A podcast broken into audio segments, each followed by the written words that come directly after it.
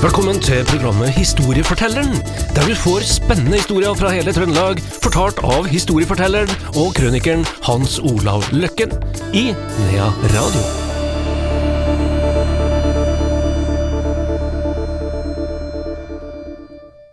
Et nytt program i uh, Historiefortelleren, vår historiefortellerserie her i Nea Radio. Historiefortelleren vår, det er Hans Olav Løkken. Velkommen i dag òg, Hans Olav. Jo, takk, du. Um, Selbumartna er noe som heter. Det eksisterte ikke i 1894, for vi skal tilbake dit, men det var andre Martna som eksisterte. Ja, og en av de mest kjente, faktisk, alt i Trøndelag, det er jo da Marsimartnan på Levanger. Og så eh, er nå da, i disse dager snakker vi veldig mye om Rørosmartnan, ikke sant, for det er jo fast tidspunkt, et som jeg forstår, faste dager. Og sånn var det med Marsimartnan nå. Og Marsjemartnan den eh, skapte faktisk talt en del eh, konflikter, den politiske oppe i Nord-Trøndelag. Og når vi fikk Meråkerbanen, så var det jo Marsjemartnan som var med og øyla litt av Meråkerbanen òg, for trondheimsbefolkninga var jo livredd for at hvis jernbanen kom på nordsida, og han Sverdrup, da, i norske regjering, han ville jo ha jernbanen til å gå inn fra Verdalen og Sandvika opp der, og da, da ble det dårlig for trondheimsfolk, for da tapte de penger, det fant de ut, for det, det var om å gjøre å hindre at, at Hans-lekkasjen da dro til Levanger, da, vet du. Så Marsjebartna, den, og den er en velkjent uh, sak. Og i forbindelse med Marsjemartnan så skal vi til et mord. Og det er klart det at noen sånne historier som du hører om, ja, de er ganske troverdige. De er uh, jeg vil ikke si dokumentert sånn papirmessig sånn, men altså de er så troverdige i sin muntlige tradisjon at det skal mye til at du ikke skjønner at her må det her ligge noe bak. Og så har du de andre som du ja, de er ikke logikk i, så de, de, de, da bare fyker du opp på oppløpssida og blir kvitt de historiene, da. Men den her mordet på Marsjemartnan, ja, den har kosta meg litt tid, skjønner du, fordi at jeg ble jo kjent med folk her i Selbu, da, som kan litt om dette her, og som tilhører kanskje noen av de her familiene som var involvert, og de er skråsikre på både det ene og det andre, og jeg ble jo nesten skråsikker jeg òg til slutt, da. Og, eh, men jeg har gjort alt, mener jeg, da. Jeg har vært på Dora, på altså arkivene, statsarkivene våre. Jeg har eh, vært i kontakt med ulike historielag, pløyd gjennom eh, haugevis med aviser, og så videre og så videre, og, og en av de her kildene mine som har vært på med år etter år etter år, han er dessverre død nå, da, men han eh, påsto jo at, eh, at han kunne dokumentere dette her via noen viser. Det ble laga noen sangviser her i, i Selbu eh, som går på det her mordet, og at de var spilt inn på en kassett. Den kassetten påsto han havna på biblioteket på Levanger Levanger, marsjemartnan, ikke sant? Så jeg måtte jo til Levanger òg, og man har leita for å finne den kassetten, og det er ingen som finner den. Så her, her forsvant altså dokumentasjonen vår på mange måter, da.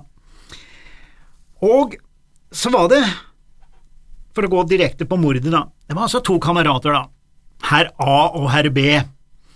De er fra ei grend i Værnesregionen, fra en eller annen plass i Værnesregionen, vi holder oss til det. Og vi er midt på 1890-tallet, ja, befinner oss på marsjemartnan, og på den marsjemartnan der så møter, møter, de en person, en såkalt uh, skinnhandler, og vi skal da inn på de her, kommer tilbake til de her skinnhandlerne, de var alltid svensk, skjønner du, av en eller annen merkelig årsak, vi kommer tilbake til dem litt senere her, men de møter jo en da, som de kalte for Skoddådalingen, Skoddådal, det er jo også en plass blant annet inne i Funesdalen, Skottedalen, Levanger Skottedalen, Lesja i Nord-Gudbrandsdalen, der er jo veldig mye Skottedal, familier og sånn. Så de, de, trodde kanskje at det var da en svenske, da, her, og at han hadde mye penger, og at de latt seg friste, da. Så de tar livet av, han, av denne skinnhandleren, skottedalingen. Ei kvinne ser det, sier folk. Punktum. Så der har du liksom dokumentasjon, da. Ei kvinne ser det. Og i tradisjonsfortellinga, og det finnes en to-tre avarter av dem, så hiver de liket da eh, i kanalen, altså ved brygga i, i, i Levanger, da. En annen tradisjonsfortelling forteller at de grov opp gulvet i, uh, i Færastallen, i stallen der, og grov den ned.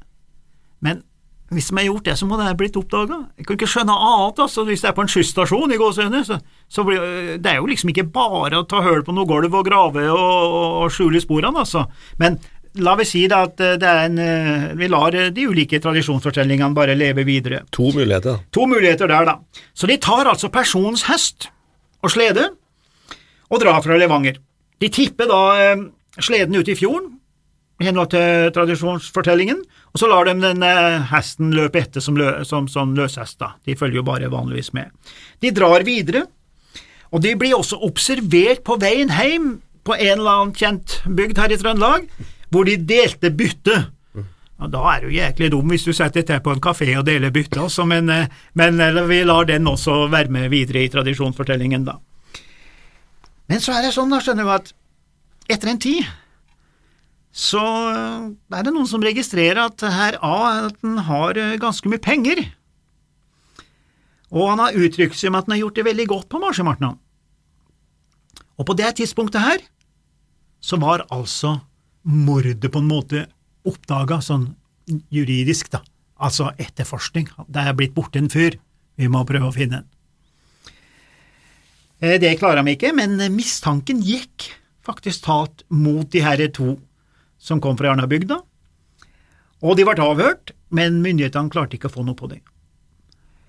Så går det mange år, så dukker opp en svenske som hevder at han er sønn til han herre som da har blitt borte på marsjemartna. Skoddodalingen. Ja, det er Skoddodalingen.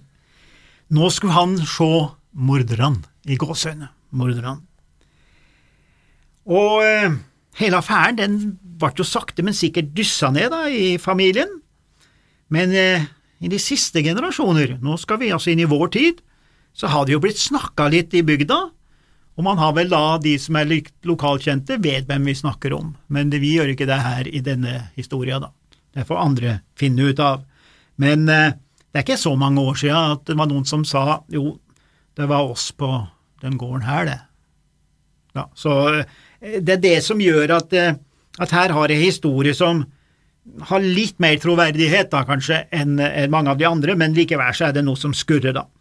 Men så gikk det jo rykter, da, vet du, og ryktene og Det er jo alltid sånn at, at uh, de bare tar av. Og så er det han her person A, da. Han blir sjuk og får kreft, og blir liggende på sitt siste. Og uh, han var vel ikke katolikk, men han har i hvert fall bedt likevel om å få skrifte og kalle på presten. Og når person B får rede på det, så dro han til A og sa at du skal ikke skrifte, og nå må du holde kjeft, ikke sant? Og eh, det kom ikke noe prest. Og herr B, da, ble sittende og passe på herr A i flere dager, da, inntil han død, for å sørge for at det ikke ble fortalt noe. For eh, vi kjenner vel fra historien at på dødsleiet kommer ofte sannheten fram. Eh, da dødsboet skulle gjøres opp, så eh, sier da de her folkene som jeg prata med i bygda, at enka satt med 90 000. Det er altså 6,2 millioner. Men hvordan i all verden kunne hun få tak i så mye penger på ei lita martna i en eh, liten by, eller en liten kjøpstad her? Der syns jeg tallene har tatt litt av. Jeg ville for å ta litt mer troverdighet, så ville jeg senka beløpet litt, hvis du skjønner poenget mitt. Ja. At 90 eh, 000 var litt i mestlaget, da. Men det er nå det som, som, som, som, gjelder i historia, da. Og det andre som er pussig, er jo at denne handelsreisende, som for det meste var svensker, og som har blitt drept andreplasser, ja, Vi har til og med i den serien her i et tidligere program snakka om de, noen som ble drept på Gjevingåsen, porten mm. mellom Nord- og Sør-Trøndelag. Og de kom jo fra samme område òg, vet du, i Sverige, nede med Venneren, og var kalla vedskjøtter. Altså De hadde en spesiell, akkurat som skoddedaling, så hadde de en spesiell sånn uh, måte å bli benevnt på.